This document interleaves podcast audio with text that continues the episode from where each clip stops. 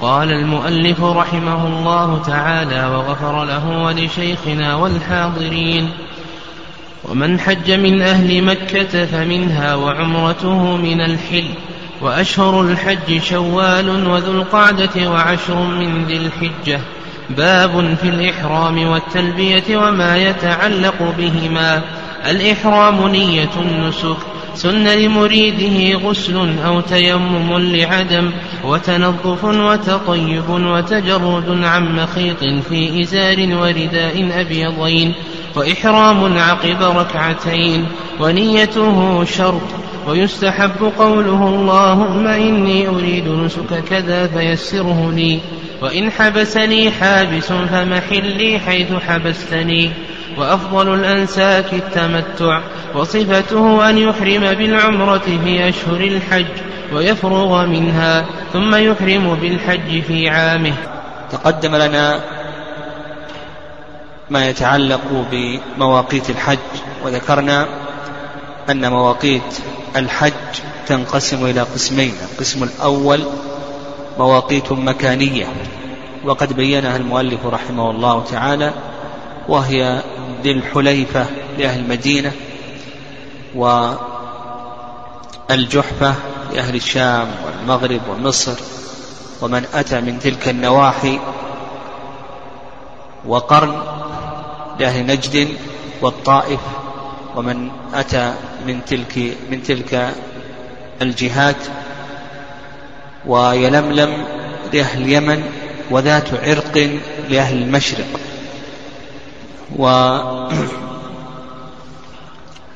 وبقينا في من كان دون تلك المواقيت فميقاته من أهله كأهل خليص وعسفان ووادي فاطمة ونحو ذلك. هؤلاء يحرمون من أماكنهم.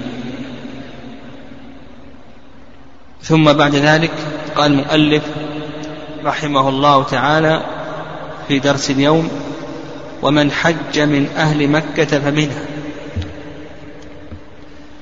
المكي إما أن يحرم للحج وإما أن يحرم للعمرة. فميقاته بالنسبة للحج من مكة. ويدل لذلك قول النبي صلى الله عليه وسلم حتى أهل مكة من مكة. وهذا بالاتفاق أن المكي يحرم للحج من مكة. وأما بالنسبة للعمرة فقال المؤلف رحمه الله تعالى وعمرته الحل. بمعنى أن المتمتع أن المكي إذا أراد أن يعتمر فإنه يخرج إلى الحل. إلى التنعيم أو إلى عرفات ونحو ذلك من الحل سواء كان أحرم من التنعيم أو أحرم من عرفات أو غير ذلك من الحل وهذا ما عليه جمهور أهل العلم رحمهم الله تعالى. والرأي الثاني أن عمرة المكي أيضا تكون من مكة. وهذا ظاهر صنيع البخاري رحمه الله تعالى وذهب إليه الصنعاني أنه يحرم للعمرة من مكة ولكل منهم دليل. أما الجمهور الذين يقولون بأن المكي يحرم من الحل فاستدلوا على ذلك بحديث عائشة رضي الله تعالى عنها أنها لما أرادت أن تأخذ عمرة بعد نهاية الحج أمر النبي صلى الله عليه وسلم أخاها عبد الرحمن بن أبي بكر أن يخرج بها إلى التنعيم وأن تحرم من التنعيم. فلو كان ميقات المكي مكة لما أمر النبي صلى الله عليه وسلم عبد الرحمن أن يحرمها من التنعيم. والذين قالوا بأن عمرة المكي تكون من مكة استدلوا بعموم حديث ابن عباس حتى أهل مكة من مكة وهذا قالوا بأنه يشمل الحج والعمرة. والصواب في هذه المسألة ما ذهب إليه جمهور أهل العلم رحمهم الله تعالى وأن المكي إذا أراد العمرة فإنه يخرج إلى الحل ودليل ذلك ما سلف من حديث عائشة رضي الله تعالى عنها. فإن قيل بأن عائشة ليست مكية وإنما هي آفاقية. عائشة أتت من المدينة. فليست مكية وإنما هي آفاقية. فكيف الجواب عن ذلك؟ نقول صحيح هي آفاقية لكنها لما أحرمت عند مرورها بالميقات وتحللت بمكة أخذت حكم أهل مكة. بدليل أن الصحابة رضي الله تعالى عنهم لما مروا بالميقات وتحللوا من كان متمتعا من الصحابة لما مروا بالميقات وأحرموا ثم تحللوا لما أرادوا الحج أحرموا من أي شيء؟ أحرموا من مكة ما خرجوا الميقات مع أنهم آفاقيون وإنما أحرموا من ميقات أهل مكة للحج وهي مكة. فيدل كون الإنسان يمر بالميقات ثم بعد ذلك يحرم ثم يتحلل بمكة فإنه يأخذ حكم أهل مكة بالنسبة للنسك التالي. بدليل كما ذكرنا أن الصحابة رضي الله تعالى عنهم لم يخرجوا إلى المواقيت وإنما أحرموا من ميقات أهل مكة أحرموا من مكة. فكذلك عائشة رضي الله تعالى عنها أحرمت من ميقات أهل مكة بالنسبة للعمرة لأنها أخذت حكمه ويدل لذلك أيضا ما في مصنف ابن أبي شيبة عن ابن عباس رضي الله تعالى عنهما أن أنه قال لا يضركم يا أهل مكة ألا تعتمروا. لا يضركم يا أهل مكة ألا تعتمروا. فإن أبيتم فاجعلوا بينكم وبين الحرم بطن الوادي. ولأن العمرة هي الزيارة. والعمرة هي الزيارة. ولا تكون زيارة حتى يكون قادما. وأيضا قال العلماء رحمهم الله الاستقراء. استقراء المناسك نجد أن المحرم بأي نسك من المناسك نجد أنه يجمع بين الحل والحرم. يعني يجمع بين الحل والحرم يعني من حيث الاستقراء نجد أن من أحرم بأي نسك من المناسك فإنه يجمع في نسكه بين الحل والحرم. حتى أهل مكة إذا أحرموا بالحج من مكة فإنهم يجمعون بين الحل والحرم لأنهم في الحج يخرجون إلى ماذا؟ يخرجون إلى عرفات وعرفات من الحل. فكذلك أيضا في العمرة يخرجون إلى الحل لكي يجمعوا في عمرتهم في نسكهم بين الحل والحرم. فالصواب في هذه المسألة ما ذهب إليه جماهير أهل العلم رحمهم الله تعالى. قال المؤلف رحمه الله وأشهر الحج شوال وذو القعدة وعشر من ذي الحجة. لما بين المؤلف رحمه الله تعالى المواقيت المكانية ذكر الميقات الزماني للحج. فقال لك بأن أشهر الحج هي شوال وذو القعدة وعشر من ذي الحجة. وهذا هو المشهور من مذهب الإمام أحمد رحمه الله تعالى. كذلك أيضا مذهب أبي حنيفة. والرأي الثاني مذهب الإمام مالك أن أشهر الحج ثلاثة شوال وذو القعدة وشهر ذي الحجة كاملا فالمالكية يرون أن أشهر الحج ثلاثة ذو الحجة كاملة. والرأي الثالث رأي الشافعية وهو آه، أضعف الأقوال.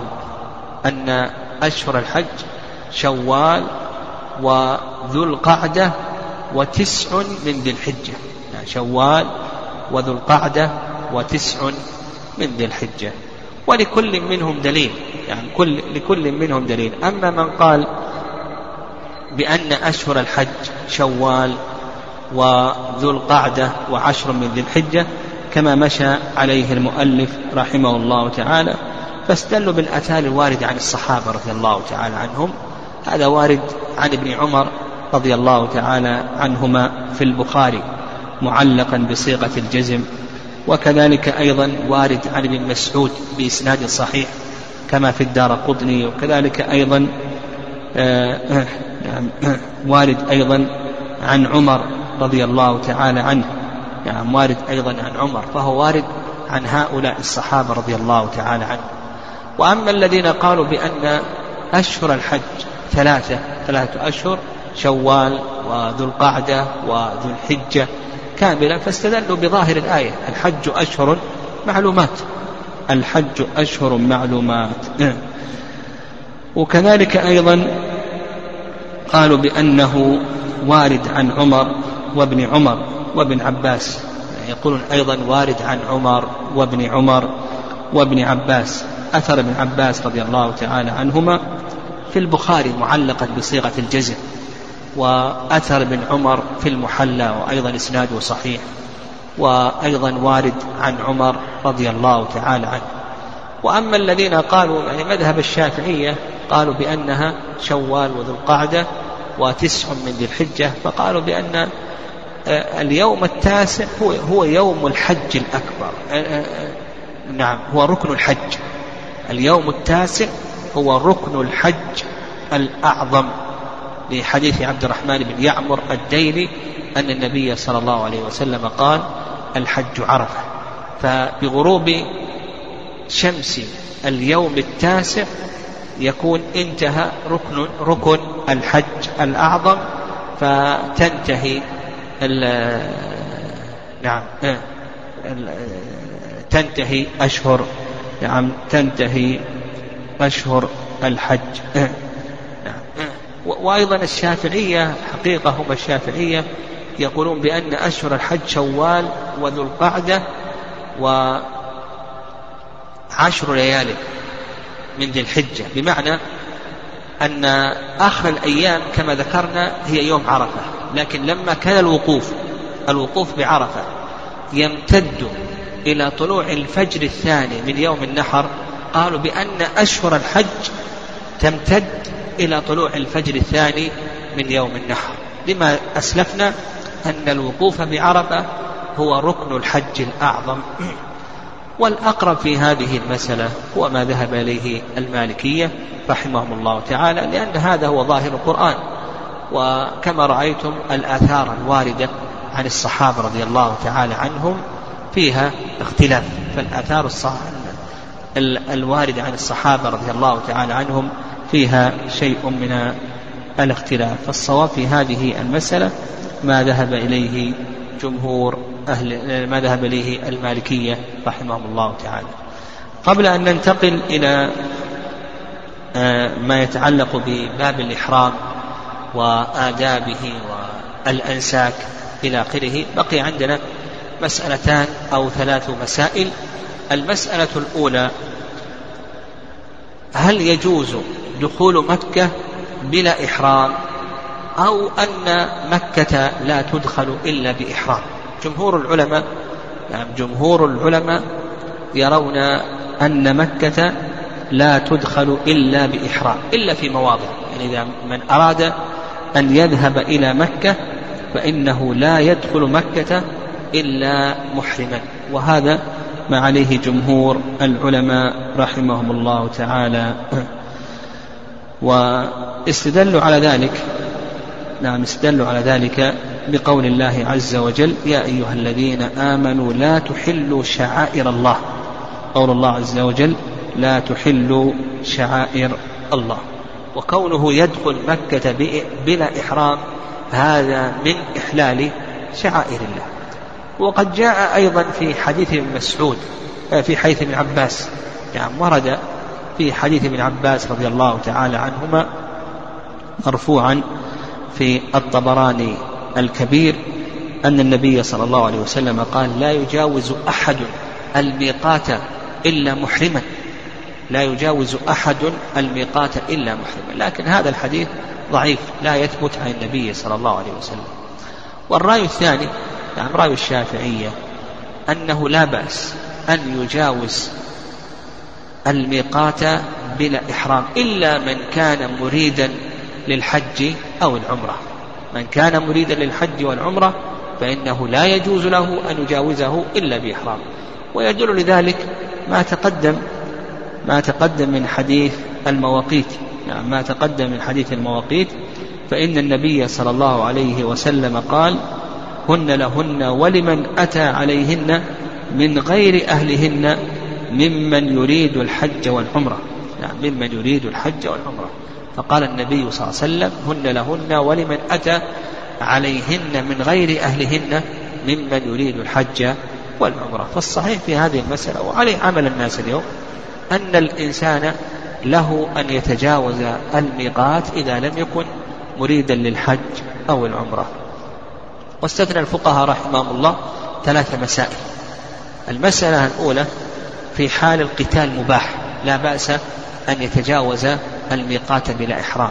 والمسألة الثانية في حال خوف والمسألة الثالثة في حال الحاجة التي تتكرر كالحطاب صاحب البريد ونحو ذلك.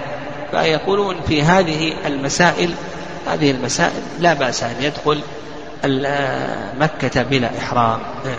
نعم لأن النبي صلى الله عليه وسلم دخل مكة وعليه المغفر ولما يترتب على ذلك من المشقة في حال خوف وكذلك أيضا في حال الحاجة التي تتكرر طيب بقي عندنا مسألة وهي يفعلها كثير من الناس اليوم. يعني كثير من الناس اليوم يكون مريدا للحج والعمرة فيتجاوز الميقات لحاجة ثم بعد ذلك يرجع. ويحرم من الميقات. فهل هذا جائز أو ليس جائزا نقول نعم هذا جائز.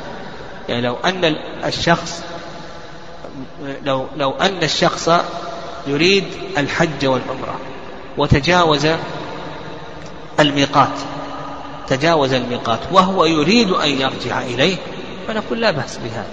نعم لا بأس. إذا كان له حاجة في مكة نحو ذلك. أو لا يريد العمرة الآن أو لا يريد الحج الآن فلا بأس أن يتجاوز ثم بعد ذلك يرجع إليه مرة أخرى. وعلى هذا يكون قول النبي صلى الله عليه وسلم ممن يريد الحج والعمرة يعني أراده يعني أراد الحج والعمرة عند تجاوزه ومروره بالميقات أو بعد مروره ورجوعه إليه. المسألة الثانية مسألة حكم الإحرام قبل الميقات المكاني يعني حكم الإحرام قبل الميقات المكاني يعني جمهور أهل العلم أن إحرامه ينعقد لكن منهم من يقول بالكراهة ومنهم من يقول بالتحريم. يعني فالحنفية ينصون على التحريم وجمهور أهل العلم رحمهم الله تعالى يقولون بالكراهة. وعند الظاهرية عند الظاهرية أن هذا محرم ولا ينعقد. أن هذا محرم ولا ينعقد. والصحيح في هذه المسألة أن الإحرام قبل الميقات المكاني أنه مكروه كما هو عليه جمهور أهل العلم رحمهم الله تعالى.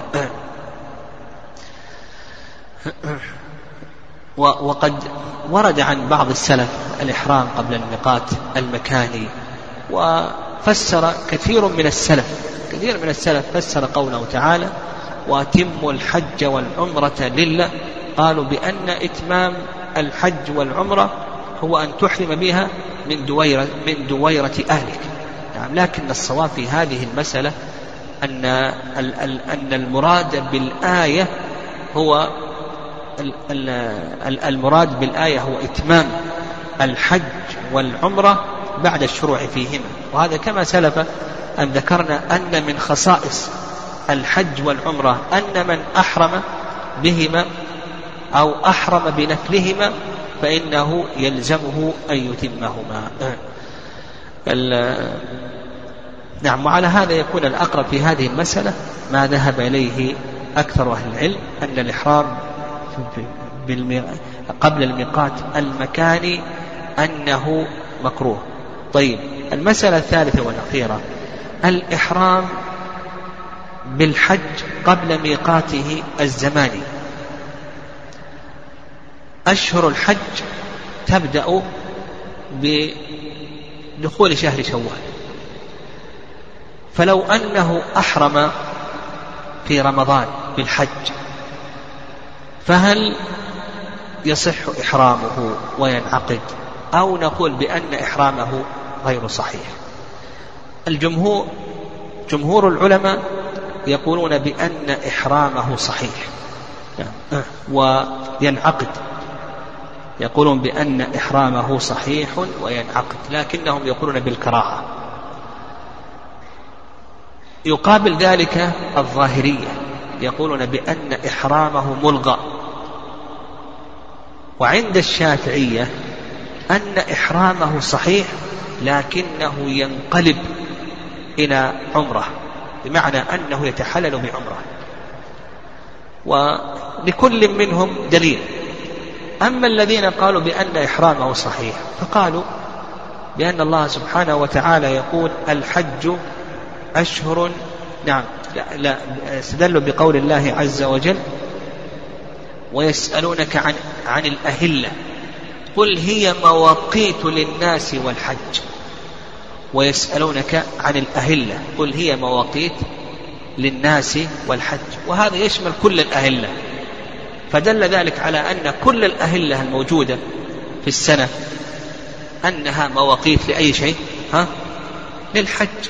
ويدل ذلك على أنه يصح أن تحرم بالحج في أي وقت من من السنة نعم ويسمعك أهلة قل هي مواقيت الله عز وجل أخبر بأن هذه الأهلة خرج هلال رجب وشعبان ورمضان إلى آخره أنها مواقيت للناس وللحج فما دام أنها مواقيت الحج هذا يدل على أن على أنه ماذا؟ ها؟ على أنه يصح أن, أن تحرم أن تحرم بالحج إذا خرجت هذه الأهلة وهذا الاستدلال رده شيخ الإسلام تيمية رحمه الله وقال هذا الاستدلال لا يصح. لأن لو قلنا بأن كل الأهلة مواقيت للحج هل هناك فائدة من خروج الهلال وعدم خروجه؟ ما يكون هناك فائدة. ما يكون هناك فائدة في قول الله عز وجل مواقيت للناس والحج. ما تظهر هناك فائدة. لو قلنا بأن كل الأهلة هي مواقيت للحج ما أصبح ميقاتا خروج الهلال ما أصبح ميقات كل السنة خلاص. نقول كل السنة وأصبح خروج الهلال. ليس رمضان خروج الهلال في رمضان ميقات لرمضان نعرف أن رمضان دخل أو نكمل شعبان. لكن إذا قلنا بأن الأهلة هذه كلها مواقيت للناس ما أصبحت آه، مواقيت الحج ما ما كان هناك فائدة. ما يترتب على ذلك فائدة. فشيخ الإسلام ابن تيمية رحمه الله هذا الاستدلال رده. قال هذا لا يصح هذا الاستدلال يعني قلنا بهذا أصبحت كل السنة ميقات الحج وحينئذ الهلال ما أصبح ميقاتا للحج لأن السنة كلها أصبحت ميقات للحج. فالمقصود ويسألونك عن أهلة عام أريد به خاص يعني بعض الأهلة بعض الأهلة هذه ميقات الحج. صحيح الأهلة هذه ميقات للناس الناس يوقتون بالأهلة فيما يتعلق بآجال الديون وأثمان المبيعات المؤجلة ونحو ذلك والديات. لكن بالنسبة للحج هذا نقول بعض الأهلة عام أريد به الخاص. فهذا الاستدلال لا يصح. وأما الظاهرية الذين قالوا بأن بأن إحرامه يكون ملغى قالوا بأن هذا عمل ليس عليه أمر الله ولا أمر رسوله صلى الله عليه وسلم. وأيضا حديث ابن عباس رضي الله تعالى عنهما في البخاري معلقا بصيغة الجزم أن أن ابن عباس قال من السنة ألا يحرم بالحج إلا في أشهره. يعني من السنة ألا يحرم بالحج إلا في أشهره. وكذلك أيضا جابر بن عبد الله رضي الله تعالى عنهما سئل أيصلح الإحرام بالحج قبل أشهره؟ فقال لا. أيصلح أن يحرم بالحج قبل أشهره؟ قال لا. هذا أخرجه الدار قطني وإسناده صحيح.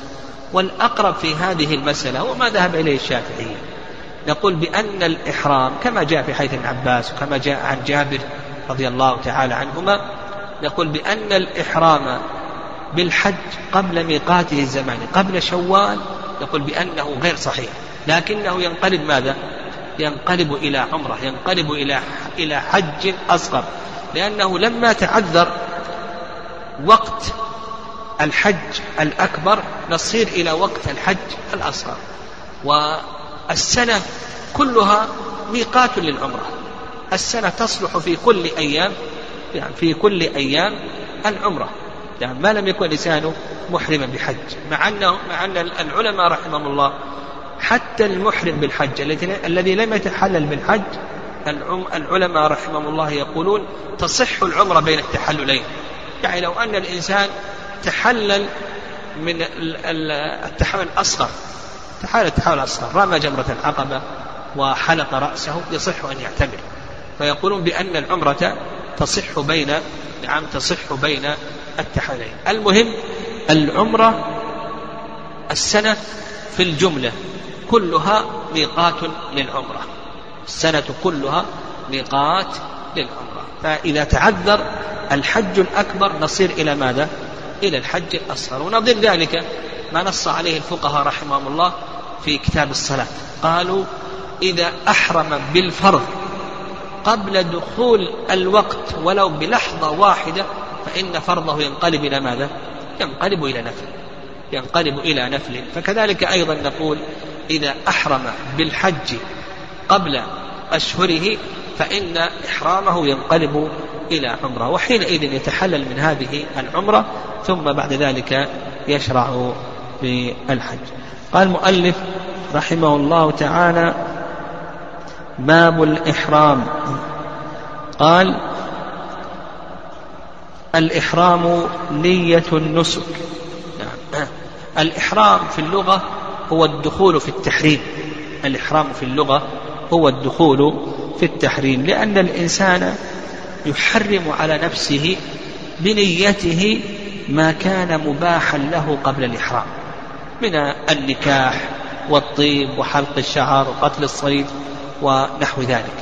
وأما في الاصطلاح فعرفه المؤلف رحمه الله تعالى بقوله نية الدخول في النسك لا نية أن يحج ويعتمر لأن نية الحج والعمرة هذه موجودة مع الإنسان من حين خروج من حين خروجه من بلده.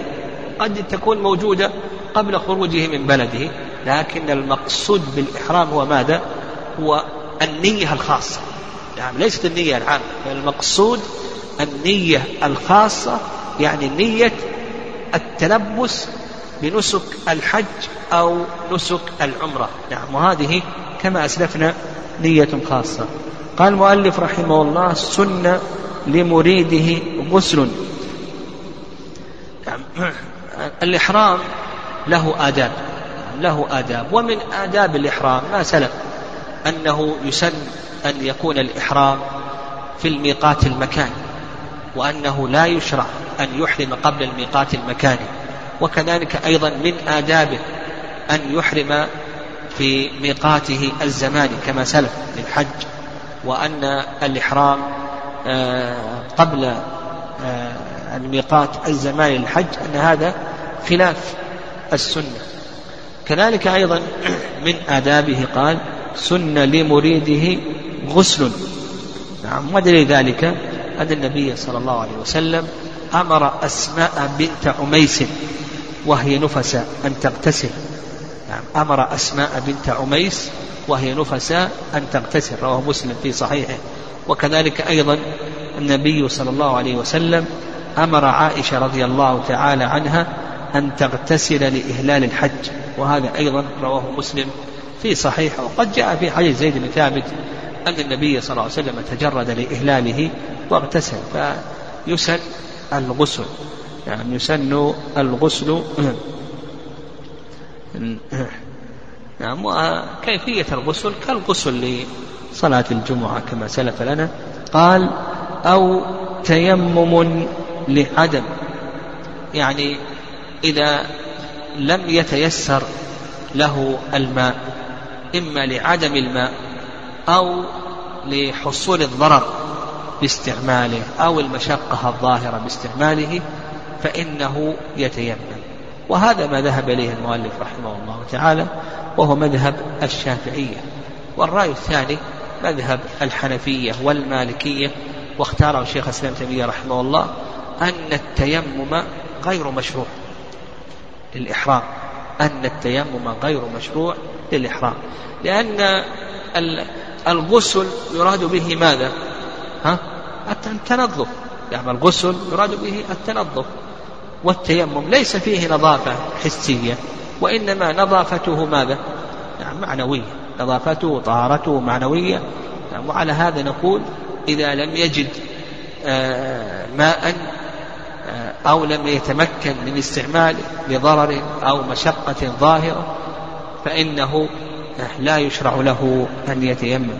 قال المؤلف وتنظف. نعم تنظف. المقصود بالتنظف هنا ما يتعلق بسنن الفطرة وكذلك أيضا ما يتعلق بقطع الروائح الكريهة. يعني ما يتعلق بسنن الفطرة من قص الشارب ونتف الإبط وحلق العانة تقليم الأظفار ونحو ذلك. قالوا لأنه ربما يحتاج إلى مثل هذه الأشياء في أثناء الإحرام ولا يتمكن منها. وهذا ما ذهب إليه المؤلف رحمه الله تعالى. والرأي الثاني نعم الرأي الثاني أن أخذ مثل هذه الأشياء ليس من خصائص الإحرام. يعني كون الإنسان نقول للإنسان إذا أردت أن تحرم قلم أظافرك وانتف إبطك واحلق عانتك وقص شاربك إلى آخره هذا ليس من خصائص الإحرام وليس من سنن الإحرام. لأن هذا لم يرد عن النبي صلى الله عليه وسلم والقاعدة أن كل شيء وجد سببه في عهد النبي صلى الله عليه وسلم ولم يفعل فتركه هو السنة. وهذا ما ذهب إليه شيخ الإسلام تيمية رحمه الله تعالى. وعلى هذا نقول بأن هذا الأدب هذا فيه نظر فالصواب أنه لا يشرع. اللهم يعني يعني إذا كانت مثل هذه الأشياء كثيرة يقول يشرع له أن يأخذها ليس لأنه من خصائص الإحرام ولكن لأنه يشرع لك أن تأخذ مثل هذه الأشياء. السنة كلما طالت مثل هذه الأشياء السنة أنك تأخذها. فنقول آه، آه، أخذها هو السنة. أخذ هذه الأشياء هو السنة إذا طالت لا على أنها من آداب الإحرام. قال المؤلف رحمه الله وتطيب أيضا هذا من سنن الإحرام سنن الإحرام وآدابه الطيب.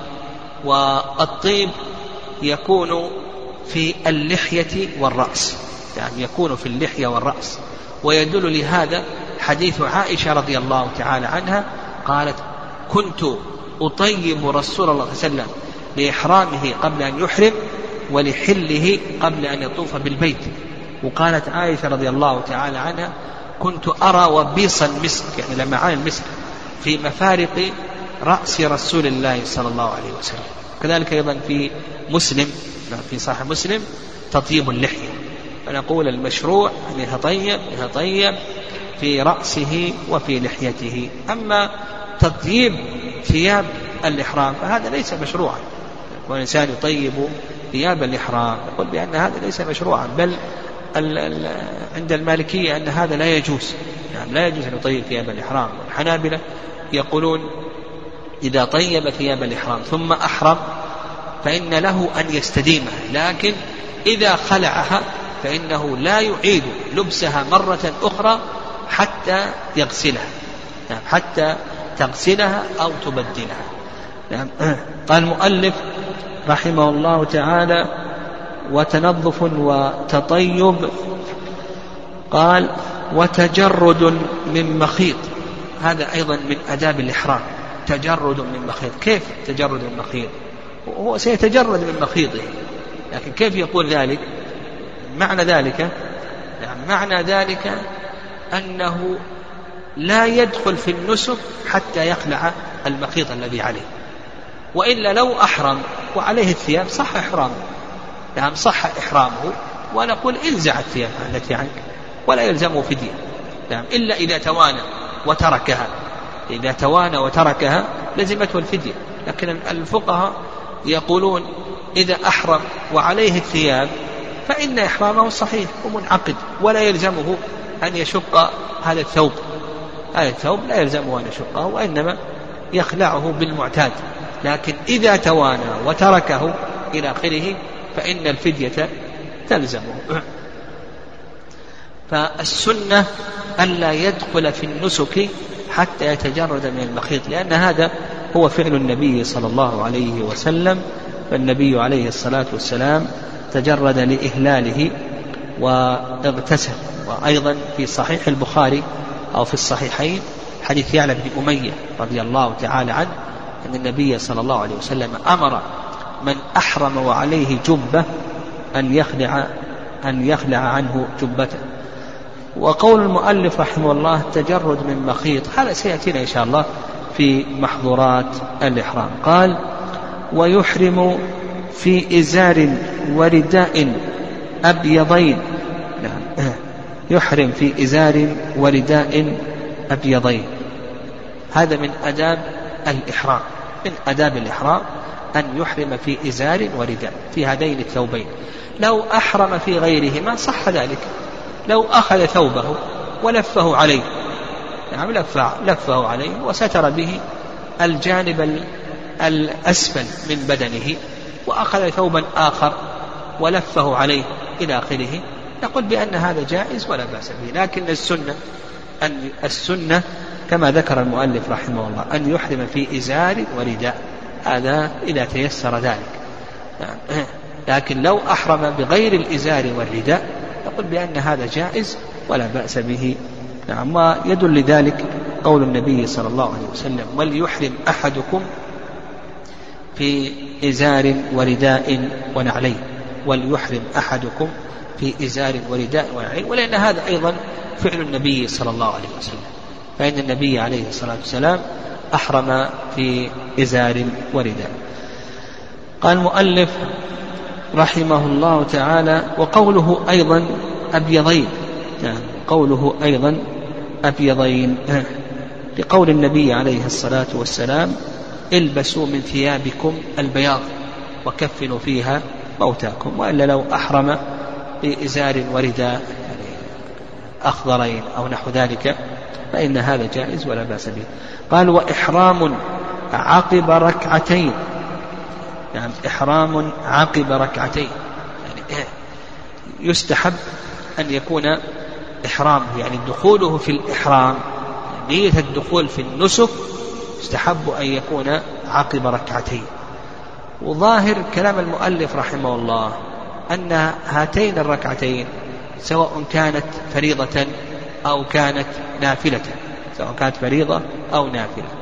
يعني يستحب أن يحرم دبر صلاة. وهذا هو هدي النبي صلى الله عليه وسلم. فإن النبي صلى الله عليه وسلم أهل دبر الفريضة. يعني أهل دبر الفريضة. ويدل لذلك نعم يدل لذلك حيث ابن عمر رضي الله تعالى عنهما. فإن ابن عمر كان يركع بذي الحليفة ركعتين ثم إذا استوت به ناقته قائمة عند مسجد الحليفة أهل.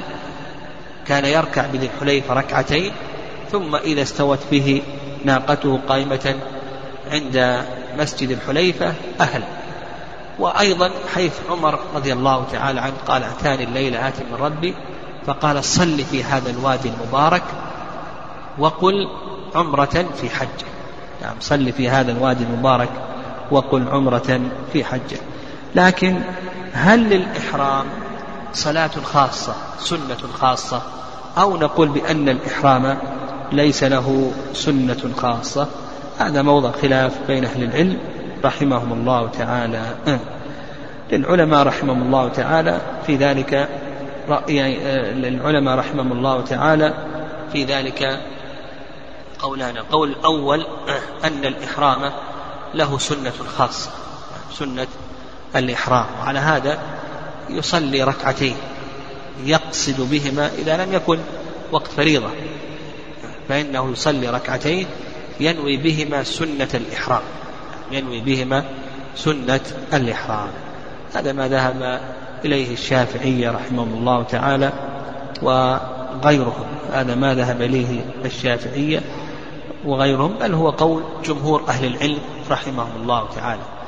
والرأي الثاني أن الإحرام ليس له سنة خاصة وهذا ما ذهب إليه شيخ الإسلام تيمية رحمه الله وابن القيم والذي يتأمل سنة النبي صلى الله عليه وسلم. يجد أن النبي عليه الصلاة والسلام أهل دبر صلاة الظهر. النبي عليه الصلاة والسلام أهل دبر صلاة الظهر. يعني آه ولم يرد أن النبي صلى الله عليه وسلم صلى صلاة خاصة للإحرام.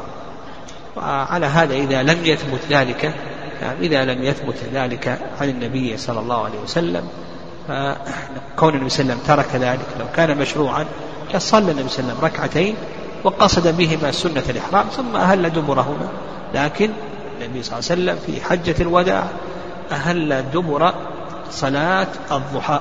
وعلى هذا نقول يهل دبر صلاة مشروعة وليس للإحرام صلاة خاصة. إن إن كان الوقت وقت فريضة أهل دبر الفريضة إذا لم يكن الوقت وقت فريضة كأن يكون آه، صلاة الضحى كان من عادته أن يصلي الضحى أو من عادته أن يصلي ركعتي الوضوء أو الوتر ونحو ذلك مما يشرع للمسافر فإنه يهل دبره. قال ونيته شرط. يعني نية الدخول في النسك شرط. يعني بمعنى أن الإنسان لا يكون محرما بمجرد تجرده من المخيط بل لا بد أن ينوي الدخول في النسك. إنما الأعمال بالنيات وإنما لكل امرئ ما نوى. قال ويستحب قوله هذا من أدب اللهم إني أريد نسك كذا فيسره لي وإن حبسني حابس فمحلي حيث حبستني يعني حيث حبستني. المؤلف رحمه الله يرى أن الاشتراط سنة من سنن الإحرام والشافعية يرون أنه جائز يرون أنه جائز والظاهرية يرون أنه واجب. ظاهرية يرون أنه واجب. وعند الحنفية والمالكية أنه غير مشروع. وقال شيخ الإسلام تيمية رحمه الله تعالى يشرع عند الخوف. يعني يشرع عند الخوف. فالذي يخاف ألا يتم نسكه فإنه يشرع له أن يشترط. أما إذا كان نعم أما إذا كان لا يخاف فإنه لا يشرع له أن يشترط. وهكذا جاء عن النبي صلى الله عليه وسلم. الحديث الوارد في ذلك حيث ضباعة بنت الزبير. يعني الآثار عن الصحابة رضي الله تعالى عنهم يعني تؤيد ما ذهب إليه الحنابلة. الاشتراط وارد عن جمع من الصحابة رضي الله تعالى عنهم. يعني ورد عن عمر وعثمان وعلي وعمار وابن مسعود. بن حجر رحمه الله يقول صح عن عمر وعلي وعثمان وعمار وابن مسعود وعائشة وأم سلمة إلى آخره. هؤلاء جمع من الصحابة كلهم يرون الاشتراط كما ذهب إليه المؤلف رحمه الله تعالى. لكن إذا تأملنا السنة الواردة عن النبي صلى الله عليه وسلم في قصة ضباعة بنت الزبير كما في الصحيحين أن النبي صلى الله عليه وسلم دخل عليها وهي شاكية. فقالت يا رسول الله إني أريد الحج وأجدني وجعا فقال حجي واشترط أن محلي حيث حبستني. أن محلي حيث حبستني. وهذه الآثار الواردة عن الصحابة رضي الله تعالى عنهم يخالفهم فيها ابن عمر رضي الله تعالى عنهما. ابن عمر رضي الله تعالى عنهما كان ينكر الاشتراط ويقول حسبكم سنة نبيكم محمد صلى الله عليه وسلم أنه لم يشترط وعلى هذا نتوقف على ما ورد في سنة النبي صلى الله عليه وسلم. فيظهر والله أعلم أن ما ذهب إليه شيخ الإسلام تيمية رحمه الله من التفصيل أن الإنسان إذا كان خائفا فإنه يشترط. أما إذا كان غير خائف فإنه لم يثبت عن النبي صلى الله عليه وسلم أنه اشترط قال المؤلف رحمه الله تعالى وأفضل الأنساك التمتع وصفته أن يحرم بالحج. وصفته أن يحرم بالعمرة في أشهر الحج ويشرع ويفرغ ويفرغ منها ثم يحرم بالحج في عامه وعلى الأفقي دم يقول المؤلف رحمه الله أفضل الأنساك التمتع. الأنساك الواردة في الحج ثلاثة التمتع والقران والإفراد. وهذه الأنساك كلها جائزة. بل حكي الاتفاق على ذلك. الاتفاق على أن هذه الأنساك كلها جائزة. من شاء أن أن يحرم متمتعا فله ذلك. ومن شاء أن يقرن فله ذلك ومن شاء أن يفرد فله ذلك. كما ذكرنا أن الاتفاق حكي على جواز هذه الأنساك كلها. نعم على جواز هذه الأنساك كلها. وإن كان بعض السلف رحمهم الله يرى وجوب التمتع كما سيأتينا إن شاء الله. نعم. لكن الاتفاق محكي على أن هذه الأنساك كلها جائزة. ويدل لذلك حيث عائشة رضي الله تعالى عنها. قالت خرجنا مع الرسول صلى الله عليه وسلم فمنا من أهل بحج وهذا هو الإفراد. ومنا من أهل بعمرة وهذا هو التمتع. ومنا من أهل بحج وعمرة وهذا هو القران. حديث في الصحيحين. لكن أي الأنساك أفضل؟ هل الأفضل التمتع أو القران أو الإفراد؟ المؤلف رحمه الله تعالى يرى أن التمتع أفضل. يعني أن أفضل الأنساك هو التمتع. وعند الحنفية أن أفضل الأنساك هو القران. وعند المالكية والشافعية أن أفضل الأنساك هو الإفراد. وشيخ الإسلام تيمية رحمه الله فصل في هذه المسألة. ولكل منهم دليل. يعني الذين قالوا كما مشى عليه المؤلف رحمه الله قالوا بأن التمتع أفضل. قالوا بأن التمتع ذكره الله عز وجل في كتابه فمن تمتع بالعمرة إلى الحج فما استيسر من الهدي. ولأن النبي صلى الله عليه وسلم تمنى التمتع. قال لو استقبلت من أمري ما استدبرت ما سقت الهدي ولا أحللت معكم أيضا. حديث ابن عمر قال تمتع رسول الله صلى الله عليه وسلم بحج بحجة الوداع بالعمرة إلى الحج. قال تمتع رسول الله صلى الله عليه وسلم في حجة الوداع بالعمرة إلى الحج وهذا في الصحيحين. وأما الذين قالوا القران أفضل كما هو قول الحنفية قالوا بأن أن النبي صلى الله عليه وسلم كان قارنا الإمام أحمد رحمه الله يقول لا أشك في أن النبي صلى الله عليه وسلم كان قارنا وأكثر الروايات يعني أكثر الروايات عن الصحابة رضي الله تعالى عنهم أن النبي صلى الله عليه وسلم كان قارنا.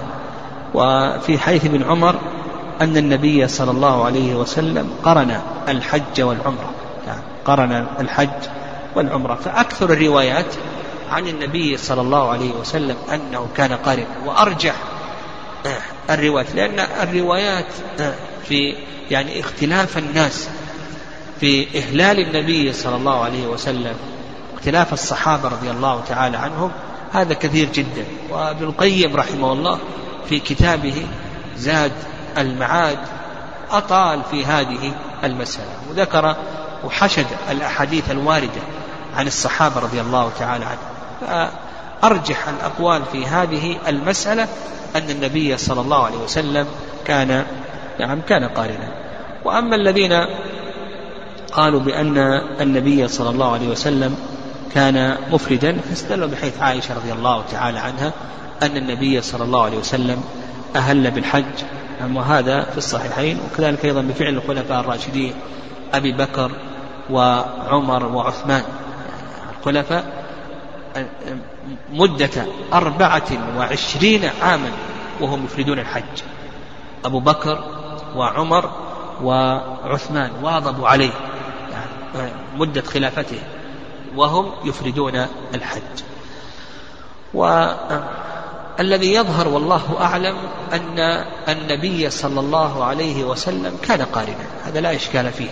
نعم لا إشكال فيه. لكن النبي صلى الله عليه وسلم قال لو استقبلت من أمري ما استدبرت ما سقت الهدي ولا حلت معكم وعلى هذا نقول إن ساق الهدي فالسنة نسك النبي صلى الله عليه وسلم. أن يكون قارنا. وإن لم يسق الهدي فالسنة ما أمر به النبي صلى الله عليه وسلم الصحابة رضي الله تعالى عنهم وتمناه. وعلى هذا نقول الأفضل التمتع. إلا إن ساق الهدي إن ساق الهدي فالأفضل ماذا؟ الأفضل القراءة. وقال شيخ الإسلام تيمية رحمه الله شيخ الإسلام تيمية رحمه الله يقول إن اعتمر قبل أشهر الحج ومكث في مكة. اعتمر قبل أشهر الحج. مثلا اعتمر في رمضان ومكث في مكة حتى جاء الحج فالأفضل الإفراد. ويقول هذا باتفاق الأئمة. فأصبح عندنا ماذا؟ الأفضل ماذا؟ تمتع. إلا إن ساق الهدي فالأفضل القران وكما ذكر شيخ الإسلام تيمية رحمه الله إن اعتمر قبل أشهر الحج مثلا في رمضان ومكث في مكة لم يخرج. مكث في مكة لم يخرج. ثم بعد ذلك حج من عامه فالأفضل ماذا؟ الإفراد. نعم الأفضل في هذه الإفراد. وشيخ الإسلام تيمية رحمه الله يحكي الاتفاق على ذلك. قال المؤلف رحمه الله وأفضل الأنساك التمتع وصفته أن يحرم بالعمرة في أشهر الحج. صفته أن يحرم بالعمرة في أشهر الحج هذا الشرط الأول ويفرغ منها هذا الشرط الثاني ويحرم بالحج من عامه. فصفة التمتع لا بد له من هذه الشروط الثلاثة. الشرط الأول أن يحرم بالعمرة في أشهر الحج. الشرط الثاني أن يفرغ منها قبل أن يحرم بالحج. الشرط الثالث أن يحرم بالحج في عامه. نعم أن يحرم بالحج في عامه. قال المؤلف رحمه الله تعالى وعلى الأفق دم. ما ذكر المؤلف رحمه الله تعالى ما يتعلق بصفة القرآن وكذلك أيضا بصفة الإفراد. فنقول القران له ثلاث صفات. وذكر صفة التمتع يقول القران له ثلاث صفات. الصفة الأولى أن يهل بالعمرة والحج جميعا. فيقول لبيك عمرة وحجا لبيك لبيك اللهم لبيك. ويبدأ بذكر العمرة. يهل بالعمرة والحج جميعا. وهذا دليل حديث عمر السالف أتاني الليلة آت من ربي فقال صل في هذا الوادي المبارك وقل عمرة في حج. الصفة الثانية نعم الصفة الثانية أن يحرم بالعمرة ثم بعد ذلك يدخل عليه الحج. أهل بالعمرة نعم، أهل بالعمرة ثم بعد ذلك أدخل عليها الحج. وهذا سيأتي إن شاء الله الكلام عليه عند قول المؤلف رحمه الله تعالى وإن حاضت المرأة فخشيت فوات الحج أحرمت به وصارت قارنة. يعني أحرمت به وصارت قارنة. المهم هو أحرم بالعمرة ثم لبى بالحج فإنه يكون قارنا. لكن هل هذا جائز مطلقا أو لا يجوز إلا عند الضرورة؟ يعني هل هذا جائز مطلقا أو لا يجوز إلا عند الضرورة هذا سيأتي إن شاء الله. الصورة الصورة الثالثة أن يحرم بالحج ثم يدخل عليه العمرة. هو لبى بالحج لبيك حجا لبيك لبيك اللهم لبيك ثم بعد ذلك أدخل العمرة عليه. يعني أدخل العمرة عليه. فهذه أكثر أهل العلم يمنع, يمنع هذه الصورة وعند الحنفية يجوزون هذه الصورة. بورودها عن علي رضي الله تعالى عنه. وأما الإفراد فهو أن يهل بالحج فقط. يعني الإفراد أن يهل بالحج لبيك حجا لبيك لبيك اللهم لبيك. والفقهاء رحمهم الله يقولون ويأخذ يعتمر بعد فراغه من الحج. هذا ليس قيدا في الإفراد. يعني قولهم يعتمر بعد فراغه من الحج هذا ليس قيدا هذا ليس قيدا في الإفراد. لكن لما كان الناس في الزمن السالف يأتون من أماكن بعيدة إلى آخره وربما أنه لو ذهب لا يعود مرة أخرى وحتى في وقتنا الآن يأتون من أماكن بعيدة. قد أنه إذا أتى ما يرجع مرة أخرى إلى مكة فهم قالوا إذا انتهيت من الحج أيها المفرد فإنك تأخذ العمرة لأنهم يرون أن العمرة واجبة. قال المؤلف رحمه الله تعالى وعلى الأفق دم. نعم الأفق نعم الأفق هو من ليس من حاضر المسجد الحرام. من كان من حاضر المسجد الحرام فهذا ليس عليه دم لأن الله سبحانه وتعالى لما أوجب الدم على المتمتع قال ذلك لمن لم يكن أهله حاضر المسجد الحرام. آه. طيب واختلف العلماء رحمهم الله في حاضر المسجد الحرام. من هم حاضر المسجد الحرام؟ فقيل بأنهم أهل الحرم وقيل بأنهم أهل مكة وقيل بأنهم من كان مسافة قصر كما هو المشهور من المذهب من مكة مسافة قصر من مكة وقيل بأنهم من دون المواقيت. والصواب أن حاضر المسجد الحرام هم أهل مكة والحرم. حاضر المسجد الحرام هم أهل مكة والحرم.